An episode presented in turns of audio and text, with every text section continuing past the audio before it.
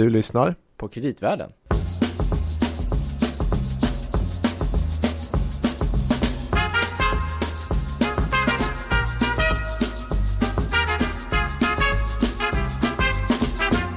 I want to be absolutely clear about one thing. We are here to serve the British people, not the whims of some European imperialist state. We are a proud nation, and no bureaucrat in Brussels can tell us what to do. We are a democracy, not some perverse, genuflecting mouse puppet on a European finger. The idea of that makes me physically sick. Det är ord och inga visor i detta avsnitt av Kreditvärlden som vanligt med Louis Landeman. Och eh, Gabriel Bergin. Inte i eh, det brittiska kabinettet utan som vanligt från Danske Bank Marcus i Stockholm. Tror du att han hade gått på en sån här privatskola han som pratade här Gabriel? Självklart. Det har väl du också gjort? Det lät nästan så. Mm. Kommer inte du också från Eton från början? Lundsberg. Lundsberg. är väl den gillar strykjärn. Ja, Eh, Två andra kollegor från Lundsberg är Stefan Melin. Hallå, hallå. Mm. Eh, FX-strateg här på Danske Bank och Stämmer. Roger Josefsson. Here, here. Chefsekonom här på Danske Bank. Ni är ju vana gäster här i kreditvärlden så det är roligt att ha er tillbaka. Och den här gången ska vi, eh, föga förvånande kanske efter det här inledningsklippet, prata om Brexit. Äntligen! Ja, det är nog Vad många som härligt. har längtat efter denna Mm. stund. Efter Brexit eller att prata om Brexit? Prata Ja, om det. ja, det är en bra fråga faktiskt. Om vi skulle göra en gallup bland våra lyssnare så eh, vet jag faktiskt inte vad utfallet skulle vara. Du menar om vi skulle rösta om en svexit eller? Det hoppas jag inte.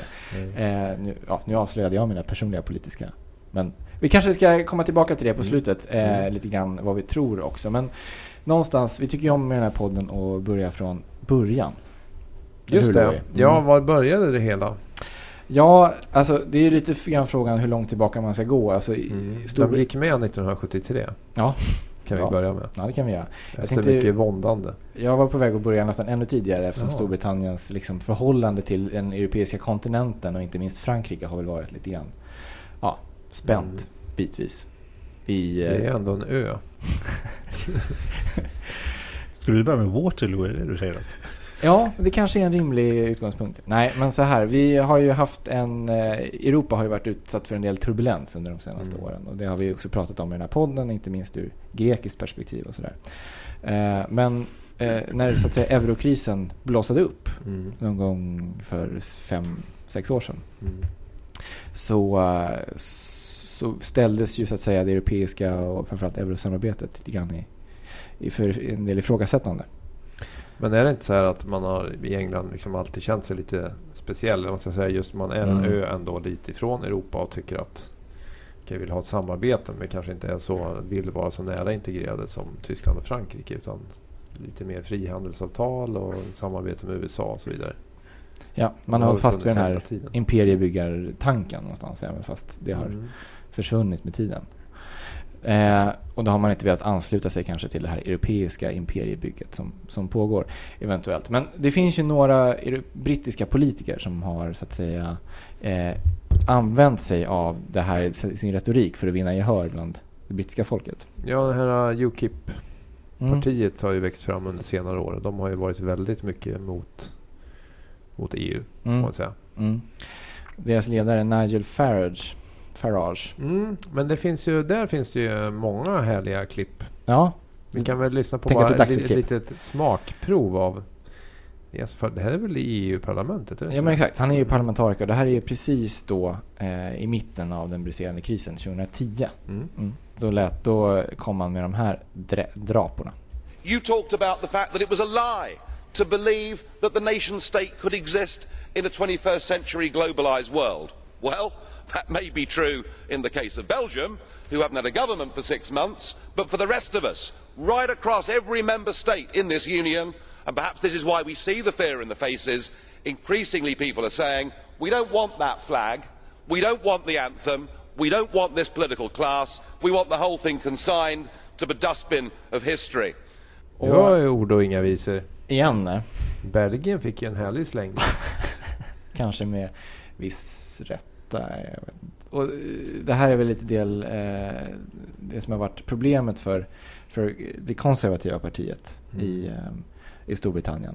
För att redan 2005 när Lissabonfördraget klubbades igenom Mm. som så att säga utökade eh, centrala eh, makten i så att säga, det europeiska samarbetet på bekostnad av nationella och regionala Mm. eh, folks, folkvalda samlingar så, så lovades det ju från konservativa partiet att man skulle ha en folkomröstning i UK Mm. eh, om det här, men det blev aldrig av. Eh, så det fanns ju en del sådana här strömningar och de här har ju Ukip då väldigt framgångsrikt eh, utnyttjat i sin Så retorik. man kan säga då att eh, den här Cameron när han till slut bestämde att nu ska vi ha en folkomröstning så var det Mm. lite för att hoppas att få bort den här frågan före valet. Ja. Förra det var- året egentligen. Och det var ju en del, eh, eh, även inom så att säga konservativa partiet så höll det på att delas upp i princip i två delar där en var väldigt mer, mycket eh, mer EU-kritisk än den andra och det blev ett stort problem för Cameron. Mm. Eh, som då hoppades kunna så här, återfå regeringsmakten. Eh, så 2013 då, Just det. Ska vi då lyssna på de här berömda när han presenterade? ja precis. Eh, så här lät det då, hade han en presskonferens 2013. So the next Conservative manifesto in 2015 will ask for a mandate from the British people for a Conservative government to negotiate a new settlement with our European partners in the next Parliament. It will be a relationship with the single market at its heart.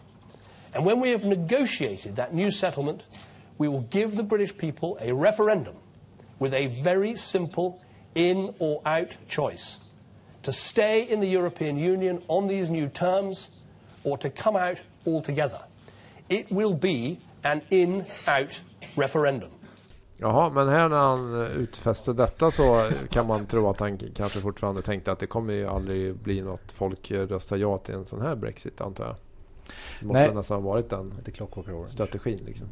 Det finns ju, en, det finns ju jag tycker ändå det är viktigt liksom att understryka att Storbritannien är ju ändå lite grann ett, ett, ett specialcase när det gäller EU-samarbetet. Jag menar, det finns ju en anledning till att de har ett, ett, ett gäng undantag och har rabatter när det gäller EU-avgifter och så vidare. Det är ju just för att de har ju hela tiden haft just den här liksom ganska negativa inställningen till EU. ändå. Så det, det var väl inte så jätteförvånande egentligen att den här diskussionen blossade upp när EU-krisen också, Mm. eh, också kom helt enkelt. De har ju, men de har ett förmånligare avtal än vad vi har till exempel. Ja, ja, helt, ja helt klart. Helt klart. Mm. Och, eh, jag, vad jag var ute efter mer var bara liksom att det, handlar väl för, från ett brittiskt perspektiv handlar väl liksom inte bara om eh, liksom pengarna egentligen utan det handlar väl just det här med att eh, Ära. Ja, ja, någonstans liksom. Det är ändå Storbritannien eh, vi pratar om liksom, någonstans och de vill gärna eh, gå sin egen väg och har ju mycket mer liksom, någon form av anglosaxisk eh, vad ska vi kalla det, ådra givetvis i, i, i sin politik generellt och det är väl också därför som vi i någon mån har delat mer politiska uppfattningar med dem än, än med kontinentaleuropa i många Mm. enskilda frågor i EU-samarbetet. Just det. Så att det, och det är väl lite det som var eh, det Cameron lovade att man skulle få till en egen omförhandling av sin relation med EU. Precis. Eh, så efter att eh, de konservativa då så att säga återvann eh, och med bravur så att säga regeringsmakten då förra året så inleddes den här förhandlingen i EU eh, och som kulminerade då med ett, eh, en överenskommelse här i början av året. Eh, och sådana här knäckpunkter har ju varit dels att man ska få liksom behålla eh, bestämmanderätten över sina egna eh, lagsamlingar. Eh, och då vill man ha liksom lite vetorätt så att säga. Man, ska, man ska kunna samla en eh, drygt enkel majoritet och kunna då stoppa en del lagförslag från eh, parlamentet. Någonting som kallas ett red card. Eh, Från EU-parlamentet. eller att eh, om 50% av de nationella parlamenten röstar emot ett nytt EU-förslag så ska man kunna stoppa det så att säga, på den vägen. Mm. Så, så det får vi se. Det lyckades han faktiskt få igenom. Sen lyckades han inte få igenom till exempel de har en annan sån här knäckpunkt från Storbritanniens sida har ju varit att de menar att det kommer många eh, migranter från resten av EU som eh, får del av välfärdsprogram eller olika typer av transfereringar. Eh, Social turism som vi kallar det i Sverige. ja, det var någon... Det är väl nästan varit, det är väl den enskilt största frågan. Det känns som att det är lite grann på ytan är det ju. Mm. Verkar som att om man har polstrar att det är migrationsfrågan som är eh, viktigast för de flesta. Men i Ja. grund och botten så handlar det väl om det här som vi var inne på tidigare. Det är, hur ska EU fungera som, som union och att eh, det finns en... Det, det, det, på något sätt sätter den här folkomröstningen fingret på pudelns kärna vad gäller EUs samarbete. Hur ska det se ut? Ska det vara en mer centralisering och Precis utav politik, penningpolitik, även finanspolitik eller ska det vara en mer decentraliserad union? Så att det är ingen mm. egentligen överraskning alls att det här sker i, i Storbritannien just att den här frågan kommer upp där. Så att, mm. Nej. Men jag tänker att just den här migrationsfrågan med tanke på de strömningar som var i höstas att då har den liksom kanske tiltat opinionen mycket mer mot Brexit för att uh, de facto är det så att med Schengen så blir det ett problem om många till exempel söker sig till England på grund av att man pratar engelska så får kanske de oproportionellt uh, många som kommer dit till exempel. Det är väl en mm. sån där sak som har i alla fall diskuteras väldigt mycket. Fast, mm. fast där, är ju liksom, där får man ändå säga att liksom den ekonomiska liksom, eh, synen på den typen av problem, om man nu ska kalla det det, är ju väldigt delad. Det finns ju rätt många som också indikerar att de som kommer till Storbritannien pratar just engelska. Många av dem är dessutom utbildade och utger liksom en, en kärn någonstans i, i arbetskraften. Mm. En del av dem tar dessutom många av de här jobben som inte britterna själva vill, vill ta eller ta längre. Mm. Så det är inte jätteenkelt tycker jag liksom, att säga att det har varit enkom negativt för Storbritannien. Framförallt liksom inte ur en ekonomisk synvinkel. Ja, jag tänkte mer opinionsmässigt. Mm. Ja, ja nej, men visst politiskt har det ju uppenbarligen varit väldigt känsligt. Mm. mm. Men så efter att då överenskommelsen var på plats eh, i februari och som sagt det var vissa delar fick väl han ungefär som han hade velat. Sen hade väl, la han ribban ganska lågt för vad han skulle åstadkomma de här förhandlingarna för att det skulle kunna ses hyfsat mycket som en seger i alla fall. Mm. Eh, en sån här nyckelgrej som man inte fick igenom var väl att eh, City of London eller den finansiella sektorn inte får några så att säga, undantag vad gäller regelefterlevnad eller nya regleringar utan det kommer fortsatt vara centralt EU-styrt då efter starka påtryckningar från just ärkerivalen, eller man ska säga Frankrike. Mm. Eh, Paris som ju är en konkurrerande sån eh, och då annonserades i alla fall den här Brexit-omröstningen, mm. det referendum on the EU membership. Mm. 23 jag tänkte juni. det, för att där, då har ju politikerna lite delat upp sig även i partierna, kanske lite olika håll. Men det, han den här Boris Johnson, borgmästaren i London, mm. uh, att han har blivit någon sorts nyckelperson för Brexit-sidan. Kan vi inte lyssna? För jag tror att vi har ett klipp där det ger en ganska bra sammanfattning till vad Brexit-anhängarna tycker. Mm. I think we've got a once in a lifetime opportunity which will not come again to strike a new series of relationships free trade deals with the growth economies around the world, mm. whilst maintaining, as Wolfgang Schäuble just said, our free trade advantages with the European Union. And the reason I've come to this conclusion is that I think staying in the European Union as it evolves towards an ever more centralized federalist structure in the effort to preserve the euro is the risky option. Once in a lifetime opportunity. Vad, tror, vad tycker ni Roger och Stefan om de här argumenten han tar upp här? Att nu kan vi välja ut lite de bästa delarna och få mer frihandel och slippa EU. Han säger vid en senare punkt i den här intervjun att Europa är inte längre en tillväxtmotor i världen. Eh, så det är ju, ja, alltså det är, eh, det är väl fortfarande så att Europa är den, eh, det är den viktigaste handels partner för dem och mm. den största marknaden såklart för, för UK.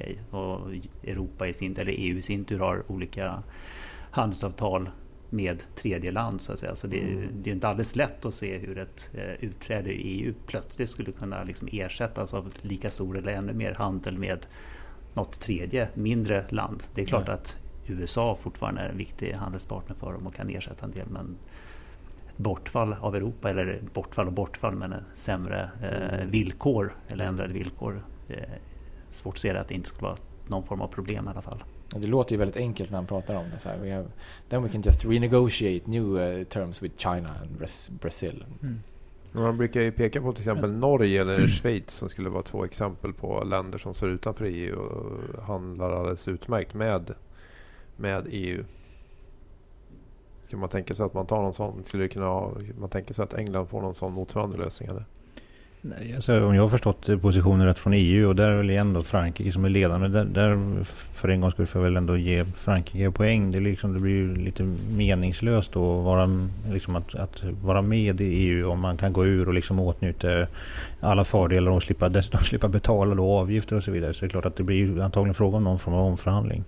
Men, men innan jag vet att vi, vi kommer ju säkert beröra det här med liksom kvantitativa uppskattningar på vad det kan tänkas kosta och sådär. Men, men någonstans får man väl ändå utgå från det som Stefan är inne på också. Svårt att se att det skulle vara någonting som i alla fall i någon form av överskådligt perspektiv ger positiva effekter på brittisk ekonomi. Sen långsiktigt kanske det kan göra det, men, men, eller på extremt lång sikt. Men liksom ändå en överskådlig framtid tycker jag nästan det goes without saying att det kommer bli negativa effekter på Storbritannien. Om inte annat från osäkerheten i sig. Mm.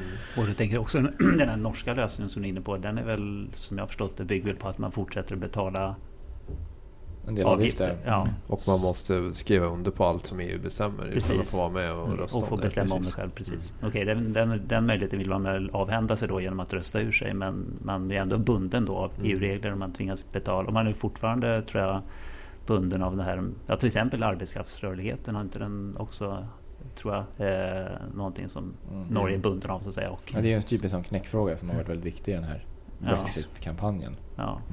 Men det finns ju, det var jag egentligen skulle komma till det var mer bara att man får ju samtidigt vara, jag är så otroligt liksom nästan allergisk mot att liksom ge de här kvantitativa uppskattningarna för vad det liksom kan tänkas kosta. Så jag tycker bara man, man får väl någonstans liksom bara luta sig tillbaka på vad är det som händer liksom i den här processen. Och det inleds ju, eller vi ser ju redan nu tecken på osäkerhet och det går säkert Stefan in med på mer när det gäller pundet och sådär. Men ehm, och, och det är så att efter, eh, skulle man nu välja att gå ut ur, ur, ur eh, eurosamarbetet eller Europasamarbetet, det är klart att då kommer man ju också hamna i ett läge där man, hur vi än vrider och vänder på det, står inför ännu mer osäkerhet. För då ska förhandlingar kommer ju att ske. Mm. Och de kommer ju också leda till ökad osäkerhet på alla, alla håll och kanter. Mindre investeringar, lägre konsumtion, högre mm. sparande. Alltså så, så massa negativa eh, effekter. Och, och så att sen på lång sikt kanske man, på riktigt lång sikt kanske man kan återhämta. Men återigen i någon form av överskådligt perspektiv är det ju jättesvårt tycker jag att hitta något annat än att det är enkom negativt för ekonomin. Och det bygger ju också på att man, man måste ju anta att de frihandelsavtal som man kan förhandla med andra länder så att säga utanför eurosamarbetet eller EU-samarbetet kommer att vara så mycket bättre än de man redan har då via EU-samarbetet. Mm. Ja, och sen ska de ju liksom, det, det, man får, som, som Stefan också är på, det, de, jag menar, EU är ju en sån enormt stor del av deras exportmarknad mm. också. Det, är liksom, det går inte att ersätta det över en natt. Det är ju helt klart så att, att de här mindre utvecklade ekonomierna växer snabbare. Men det är ju också en del av att vara just en lägre utvecklad ekonomi med lägre BNP. Då, då växer de snabbare oftast. Man har en, en catch-up-period och så vidare. Så, så, så att, att luta sig mot det och tro att det liksom ska kompensera för ett så stort bortfall, det tycker jag är, ja, det ska man inte Men pratar vi om, det är någonting 45-50 procent av Precis. export som går till EU i dagsläget. Mm. Precis. Mm. Men om man rent så formellt hur man går, ska gå tillväga för att gå ur EU så förstår jag att det är inte så att man, man kommer inte gå ur den 24 juni liksom, utan det, då ska det inledas en egentligen ganska lång förhandling. Man pratar ju om upp till två år va? Mm, enligt Lissabonfördraget. Mm.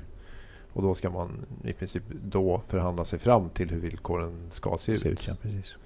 Men sen vad gäller antal, det finns massor med lagar och så vidare. Så det, man pratar om att det kan vara mycket mer än den här tvåårsperioden. Kanske ända upp till tio år innan man har lyckats bena ut alla, alla legala aspekter. Jag tänkte säga man får tänka på alla de så att säga, direktiv och annat som har införts. Som inte bara gäller i UK men som också har införts i brittisk lag på mm. nationell, regional och kommunal, eh, även om det heter andra saker där, nivå. Mm.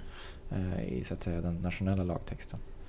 Som ska benas ut såklart. Ja, vad ser man på valutamarknaden då, Stefan, av allt det här? Ja, men, eh, det är väl lite det vi har sett ända sedan egentligen man började snacka om att det skulle bli en folkomröstning under 2016 där man började spekulera om det. ända sedan dess har ju punden varit i en kraftig utförsbacke då, någon mm. gång sedan slutet på förra året.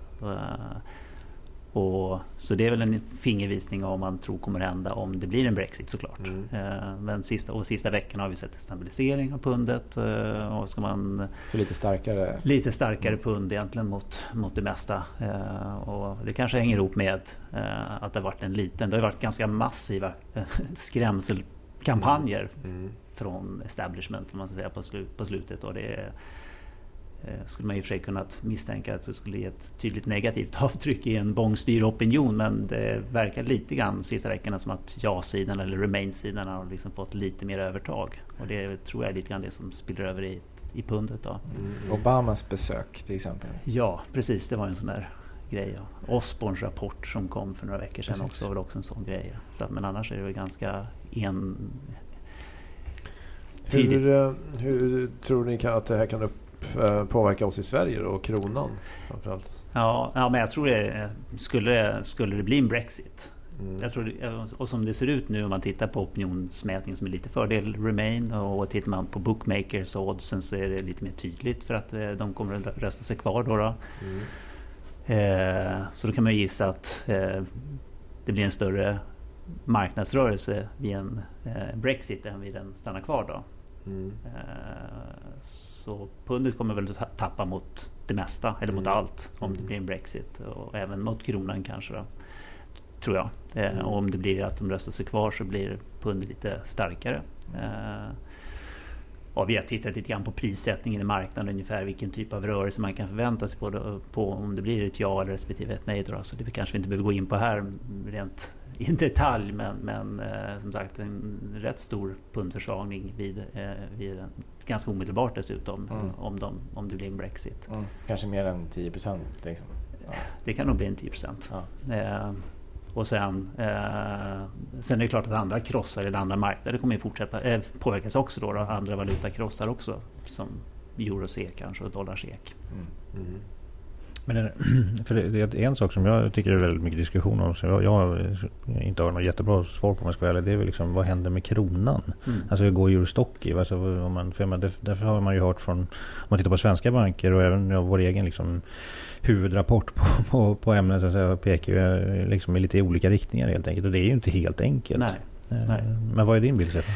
Nej, men min bild är väl lite grann att eh, alltså, om man tar normala korrelationer. Mm. Om man tänker sig att det blir en Brexit, då blir det stökigt och då blir det konjunkturbäs, skulle jag tro i alla fall. Eh, och med normala korrelationer så går kronan svag i en sån miljö. Så då mm. går dollarn starkare mot, kronan svagare mot dollarn och förmodligen också svagare mot, mot euron skulle jag gissa. Det är liksom men, det normala förhållandet. Men mm. man kan ju också, det är lite det som Roger är ute efter, som man ser också spekuleras i att alternativt scenario är faktiskt att vi får en repris på, på det som hände 2012 under eurokrisen. Där, där man flydde euro också. Mm, man vill ha kvalitet eller någonting som var... Så att säga. Man kan tänka sig att det här kan leda till någon form av existentiell kris för hela eurosamarbetet? Egentligen, Absolut, mm. precis. Och då vill man inte ha euro alls. Nej. Så då går man ut till någonting som ligger i, i periferin och då får vi en förstärkning av svenska kronan, norska kronan, danska kronan. Eh, definitivt. Mm. Så det, det, ja, det lite grann just när man ska spekulera i, i vad som händer i, i valutamarknaden eller i finansiella marknaden överhuvudtaget så blir det att man spänner vagnen före hästen egentligen. Vi, vet ju inte vad som händer med ekonomin och vi vet inte riktigt vad som kommer hända med eh, alla förändrade eh, regler och handelsavtal och allt sånt där. Men, men eh, mm, så det, det, det, är svårt att veta. Men, så det finns, men min, min, min huvud, mitt huvudscenario är att vi får en svagare krona på en Brexit även mot euron. Då. Men Roger, mm. tror du att det här, om det skulle bli en Brexit, skulle det kunna på sikt le, faktiskt leda till en euro breakup? Kan det bli så stora följdverkningar? Eh, ja, alltså det är klart att det kan bli det. Jag, vet inte om man ska, jag tror väl kanske inte man ska ha det som ett huvudscenario. Eh, det, det, det tycker jag inte. Men, men, det är klart att det finns sådana risker. Alltså, jag måste säga att eh, jag tycker det har varit, lätt, det har varit lite kul att, vara, att det är just Danske Bank. För när man pratar med, med våra danska kollegor så får man ju faktiskt en, Eh, en helt annan bild av hur de ser på den här. Och de har ju nästan lite grann ifrågasatt. Och våra, när vi då beräknar hur det ska påverka Sverige så tycker de att det har alldeles för små effekter. Framförallt på liksom förtroendet och investeringar och konsumtion. Där de menar på att det blir mycket större effekter. För de ser ju det danska EU-medlemskapet, är det nästan verkar det som när man pratar med dem, lite betingat av att Storbritannien är med. Mm. Eh, och det tycker jag är lite, det är ändå liksom, ger ju lite en annan, eh, mm. en liten annan, ett annat djup i frågeställningen eller gör den lite mer eh, allvarlig. Eh, för svensk vidkommande har jag väl kanske lite svårt att se att eh, skulle det bli en Brexit, det är klart att man, man kan tänka sig att det blir ett litet uppsving för de EU-negativa liksom, strömningar i Sverige igen då. Men, men jag har väldigt svårt att se att man skulle ta det så långt. Så jag tror att många ändå är rätt positiva till EU i den mån det liksom rör frihandel, vilket är bra för svenska företag och så vidare. Det blir inga 15% för junilistan? Eh, Utan att bli politisk eh, kommentator på det sättet. Vill du ha det på tiondelen där? ja, helst. Okej, okay, jag förstår. Ja, det tror jag vi får fråga någon annan. Ja.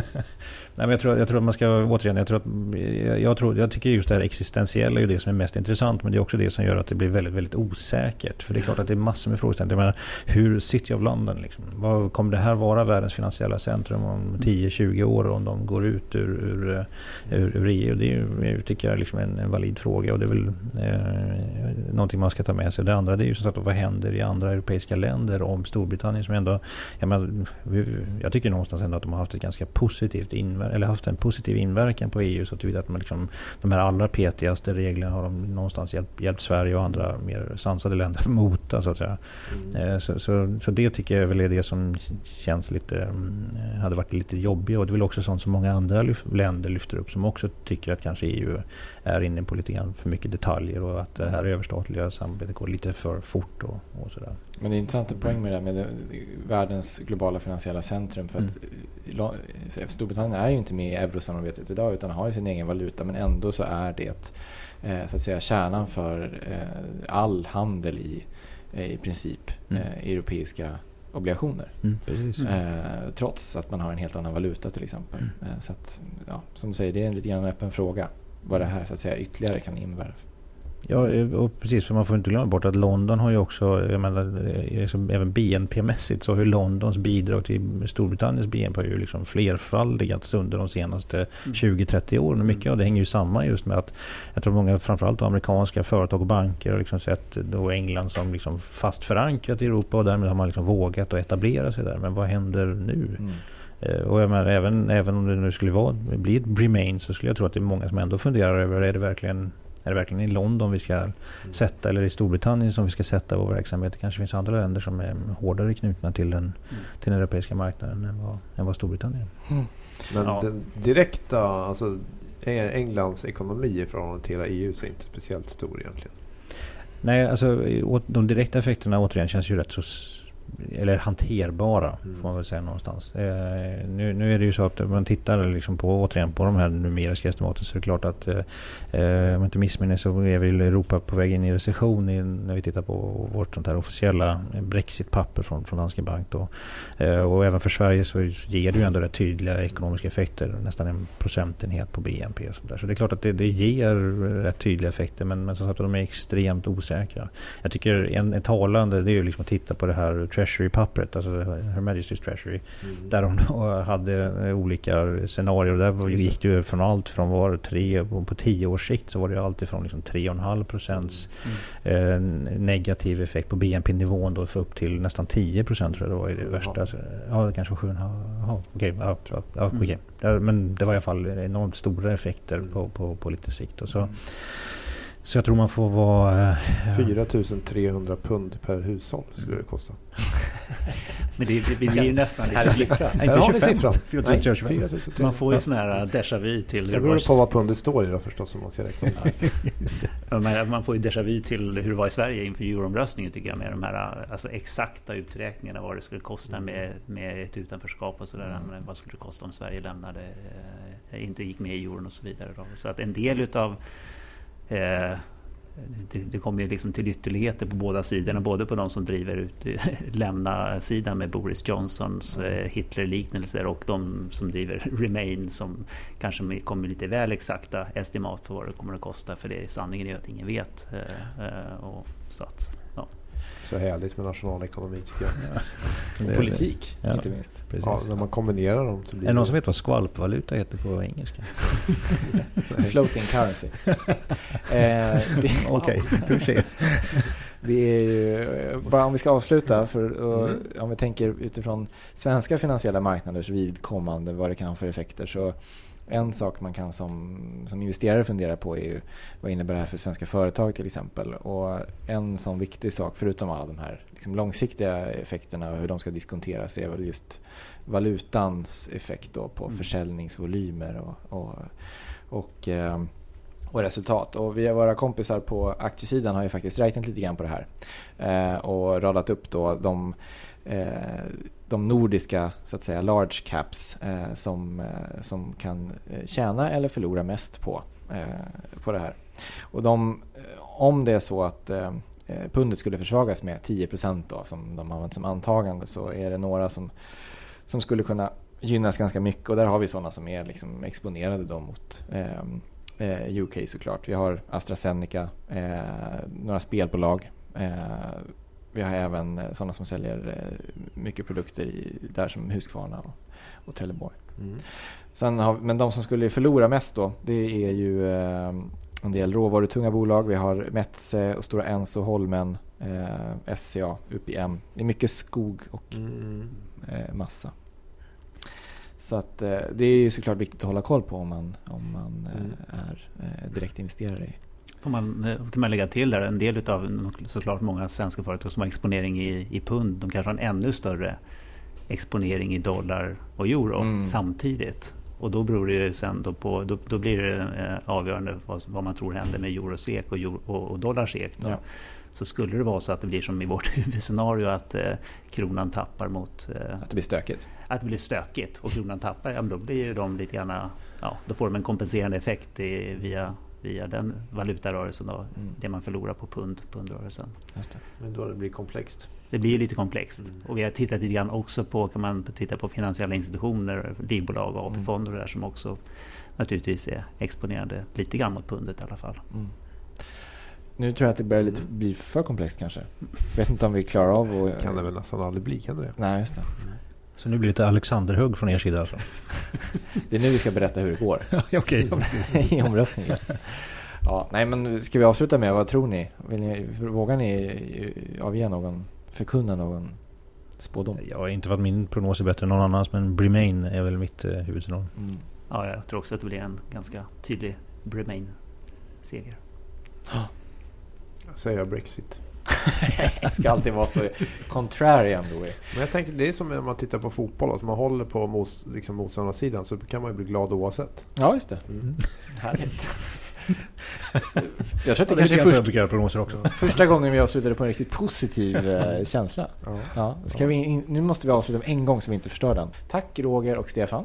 Så mycket. Tack. Stort tack. Mm. Och snart tillbaks med ett nytt spännande tema, eller hur Gabriel? Mm. Mm. Det... Lite, lite annorlunda. Ja, eller? det är lite utanför vårt vanliga men jag tror att det mm. kommer bli väldigt spännande faktiskt. Mm. Mm. Lyssna på det också. Ja, det tycker vi. Ja, men vad är det för någonting? Ja. Det får ni höra då. Jaha, Men det, får se, ja. Mm. Det handlar om dig Roger. Ja, okej. Okay. Lite, lite grann. Inte så positivt bara. Nej, exakt. Nej, vi hörs snart igen. Ja. Tack. Tack. Hej, hej. Well, come on and let me know